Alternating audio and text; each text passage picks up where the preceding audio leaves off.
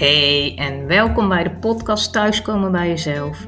Ik ben Ilona en ik neem je via thema's als identiteit, verlies en geloof mee op mijn innerlijke zoektocht. Voor mij werkt dat het beste buiten, in de natuur. Dus ik nodig je uit om de natuur op te zoeken en je al luisterend te laten inspireren om samen met mij de weg naar je hart te bewandelen en uiteindelijk thuis te komen bij jezelf. Super dat je weer luistert. Echt heel leuk dat je er weer bij bent. En ja, dat ik weer, uh, dat ik je weer een aflevering mee mag nemen. En ik weet niet in welke hoedanigheid. Of je aan het wandelen bent. Of, uh, of misschien op de, op de bank. Of aan de strijk. Of uh, op het strand. Ik heb verschillende dingen voorbij horen komen. Dus dat vind ik erg leuk. Ik hoop je in ieder geval en weer te inspireren deze aflevering aan het denken te zetten. Uh, ja, of gewoon even lekker te laten wegluisteren. Het is misschien wel een iets wat uh, zwaardere kost. Je zult wel merken ook na de afleveringen van het liefdevol loslaten. Ja, het is ook wat meer natuurlijk persoonlijk.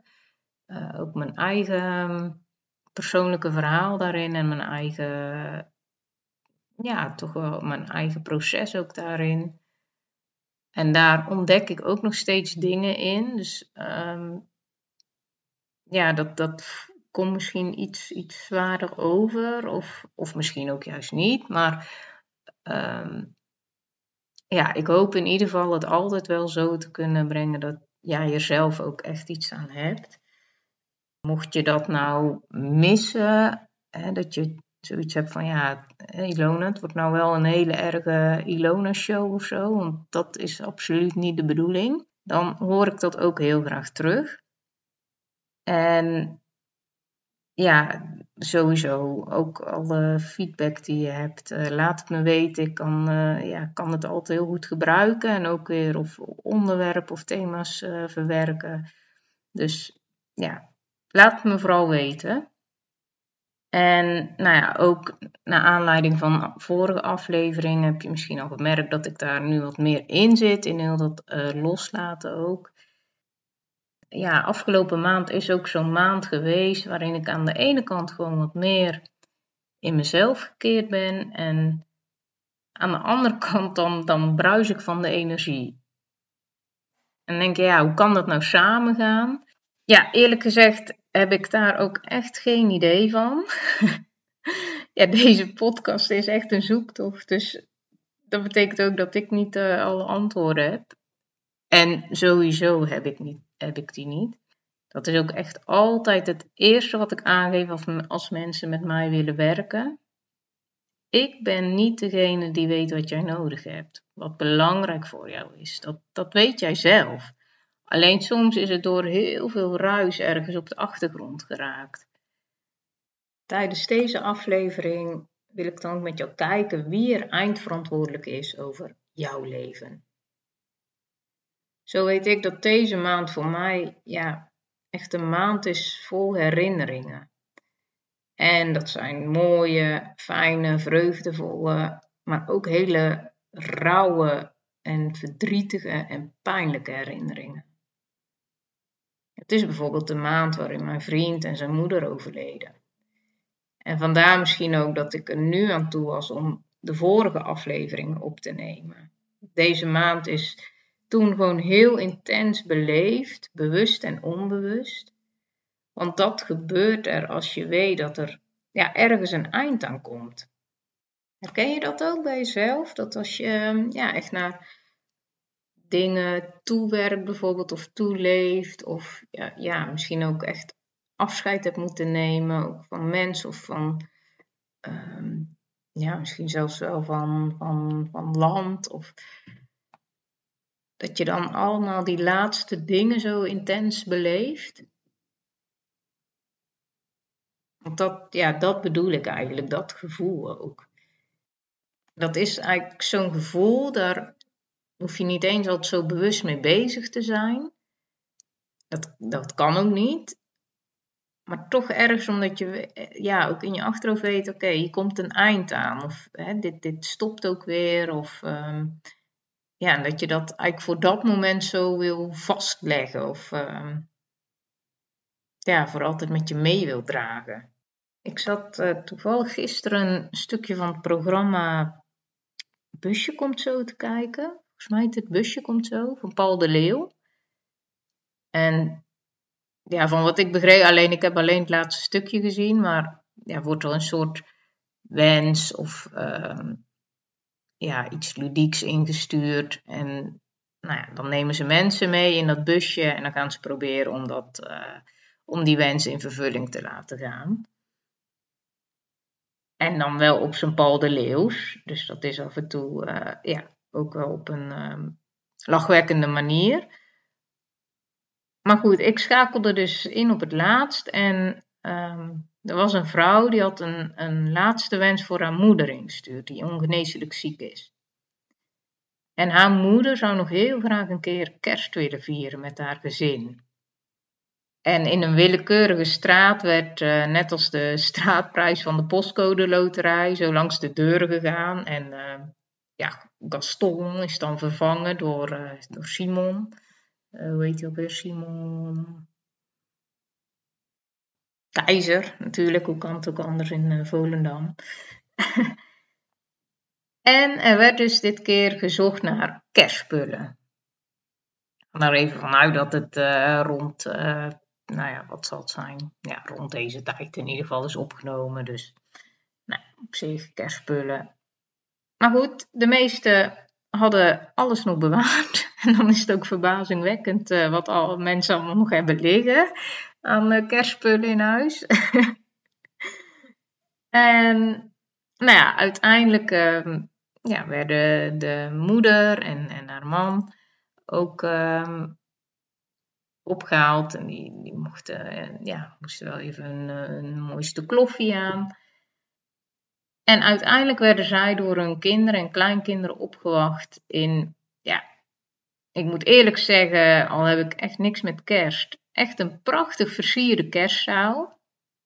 Maar wat mij zo ontzettend ontroerde was de blik in de ogen van deze vrouw, van deze moeder, en haar kinderen en kleinkinderen toen ze uit volle borst het lied van Paul de Leeuw meezongen. Ik heb je lief. Ik, ik mag dat niet zomaar in een aflevering afspelen, maar mocht je tijd hebben, luister er zeker eens naar. Ook als je geen fan bent van Paul de Leeuw. Maar dan echt luisteren met dit verhaal in je achterhoofd. Of kijk de afle of het stukje van die aflevering eens terug. Dan ja, kun je ook inbeelden dat iedereen aan die tafel daar ook met een totaal andere beleving zit. Een vrouw, ja, die weet dat ze alles achter moet gaan laten, maar ook echt van het leven heeft genoten, van haar kinderen heeft genoten, van haar kleinkinderen genoten en, en nog steeds, nog steeds intens kan genieten. Een man en kinderen die los moeten gaan laten, die afscheid moeten gaan nemen. En ze weten niet wanneer. Kleinkinderen die, die volop huilen. Zelfs als ze wat ouder zijn, waar, waar het dan eigenlijk hè, een beetje zo, vooral op tv, van oh ja, niemand mag me zien. En, uh, maar het maakt ze niet, echt gewoon niet uit. Want ze hebben een lieve oma en die ze nu vol vreugde zien en waarvan ze niet weten hoe lang ze nog bij hen zal zijn ik dacht, misschien denken ze wel ergens, hè, had ik me vaker een bezoekje gebracht. Straks kan het niet meer. Of juist, oh wat fijn dat de deur bij oma altijd open stond. Voor iedereen zal zo'n moment weer anders zijn. Maar wat, tenminste zoals ik het zag, voor iedereen op dat moment hetzelfde was, ja, was dat ze het moment samen, echt samen ten volle omarmden, met, met een traan en een lach. Want hoe gek dat ook klinkt of is, ja, ik geloof echt dat daar waar verdriet is, ook als dat intens verdriet is, dat er tegelijkertijd ook vreugde kan zijn. Ben jij het hiermee eens? Ken jij zelf misschien zelfs dit soort momenten? Of vind jij van, nou ja, nee, Ilo, dat, dat een kan echt niet uh, ja, naast het ander bestaan? Ik ben benieuwd. Ik ervaar het zelf wel zo, maar het kan natuurlijk dat dat heel anders is voor jou. Ik moest denken aan, uh, aan mijn vriend. Ja, en hij had in, in zijn korte leven heel wat mogen doen. Maar natuurlijk waren er ook nog wensen, ook toen hij wist dat, dat hij niet meer beter zou worden. Goed, uiteindelijk was hij eigenlijk al te ziek om er echt ook iets mee te doen. Uh, maar zonder dit ja, nu hard over te laten komen, ja, was mijn vriend hier ook niet meer mee bezig. Want hij nam eigenlijk ieder moment zo intens in zich op. En dan merk je dat wensen worden verlegd en andere dingen worden belangrijk. Want uiteindelijk beseft hij dat het niet zit in alles wat je kunt doen in het leven, wat je eruit kunt halen. Maar voor hem telde alleen nog met wie hij zijn laatste tijd doorbracht. Ja, wat anders is dat eigenlijk met de boodschap die we ehm, vooral tegenwoordig meekrijgen, vind je ook niet? Hoe vaak ik wel niet hoor, je leeft maar één leven, haal eruit wat er uit te halen valt. Dat is bijna beklemmend, zo van, oh, het moet, het moet nu gebeuren, je moet nu... Uh... Ja, en, en dan denk ik ook nog eens, ja, dat zo'n boodschap is heel leuk als alles in je leven je toelacht. Als je gezondheid goed is, als je financieel goed zit, als je ja, je goed ontwikkelt. Op, op, op schoolgebied, geestelijk gebied, nou, wat dan ook. Maar denk maar, wat als je bijvoorbeeld in de sloppenwijken van Brazilië opgroeit? Of, net als mijn vriend, weet dat je niet oud zult worden. Of net als zijn moeder, die helemaal niet wist dat haar leven voorbij zou zijn. Ik zie het echt als ja, een beetje de, de boodschap van onze huidige en met name westerse maatschappij, die vooral draait om meer, groter, beter, mooier, leuker. Maar dan denk ik, ja, wat blijft er van die boodschap over als je ziek wordt? Als je zonder werk komt te zitten? Als je kind overlijdt? Als je bedrijf instort? Vul voor jezelf in hè, wat daar ingevuld kan worden. Ik denk dan terug aan de laatste dagen in de hospice. En ik kan echt zeggen, ehm, zoals ik het heb ervaren, echt een plek waar je nederig wordt. En natuurlijk ook een plek waar de dood constant aanwezig is. Maar ja, voor mij niet op een manier dat je er bang van wordt. Nee, want ja, er heerst harmonie. Zo anders dan wanneer je de deur weer achter je dicht doet en, en de wereld instapt. De wereld waar geen narigheid mag zijn, waar geen lijden mag zijn. De wereld waar ja, eigenlijk zoveel mensen, vooral hier, voor de buitenwereld dan, laat ik het zo zeggen, alles hebben wat een hartje begeert en toch echt doodongelukkig zijn. Wat een contrast met de wereld binnen de deuren van de hospice. Daar is geen ja, mogelijkheid om de schijn op te houden. Ook niet de behoefte meer om de schijn op te houden. Het is duidelijk waarom je er bent. Maar ook hier ervaart ieder het weer op zijn eigen manier. Net als aan die tafel uit het programma van Busje komt zo, waar verdriet en blijdschap tegelijkertijd aanwezig zijn.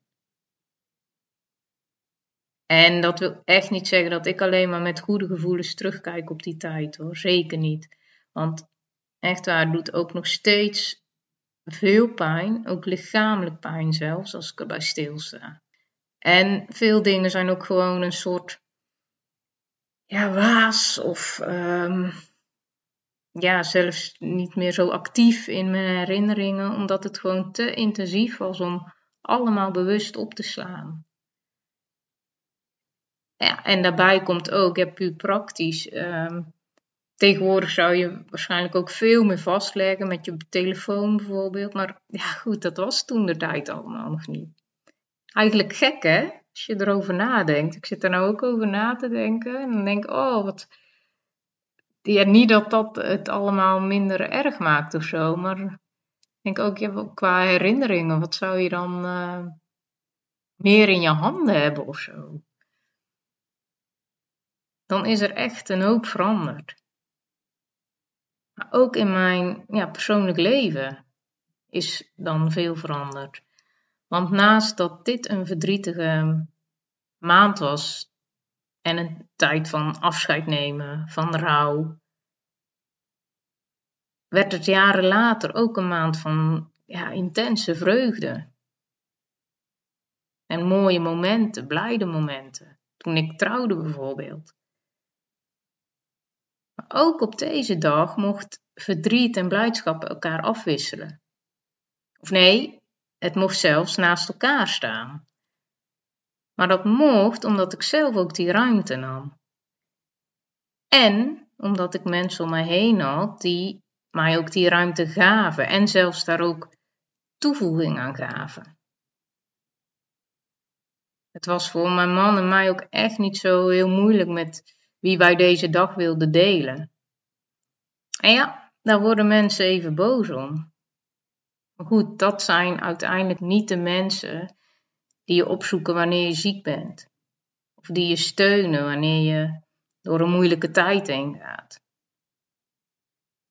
Ik besefte echt pas later dat die periode van verlies en afscheid mij zo anders naar dingen had leren kijken. Die periode zat echt boordevol levenslessen. En die ik nu ook nog steeds allemaal niet ontdekt heb. Die ik, waar ik nu ook nog elke keer weer nieuwe dingen uithaal.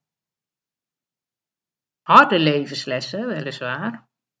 Maar ja, wie zegt dat leren vanzelf gaat? Jij doet in je leven ook constant ervaringen op die jou op een bepaalde manier naar de wereld laten kijken. En die ook mede bepalen hoe jij in het leven staat. En helaas bepaal je niet of je wel of geen moeite in je leven zal kennen. Want daar komen we allemaal uh, ja, in, in grotere of kleinere mate. We komen er allemaal voor te staan. Maar jij bepaalt wel hoe je er naar kijkt, hoe je ermee omgaat. En jij bent echt, echt de enige die dit ook kan doen. En mensen kunnen je op wat voor manier dan ook ondersteunen, maar jij bent eindverantwoordelijke voor jouw leven. En dan vraag ik jou nou, hè, waar in jouw leven mag jij de verantwoordelijkheid nemen? Doe je dit voor jouw gevoel ook voldoende? Of ontbreekt er nog iets? En is dat ook iets waarin ik misschien iets voor jou kan betekenen? Stuur me dan een bericht en dan plannen we echt geheel vrijblijvend een, uh, een gesprek in. En als er momenteel niks ontbreekt, dan mag je dat ook heerlijk omarmen. En nee, echt niet in de zin van, hè, voor je het weet is het voorbij. Maar echt omarmen zonder voorwaarden, puur omdat het er mag zijn. Probeer het maar eens hoor, valt niet mee om gewoon iets te laten zijn. Misschien heb je het al wel ontdekt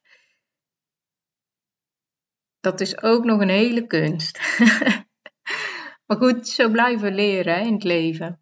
Dat is ook het, uh, het mooie ervan. En uh, dat mogen we ook samen doen. Dus dat is helemaal mooi. Maar voor nu wil ik het uh, hierbij laten. En nou ja, hoop ik je natuurlijk bij de volgende aflevering weer te mogen verwelkomen. Heel erg bedankt dat je geluisterd hebt naar de podcast Thuiskomen bij jezelf.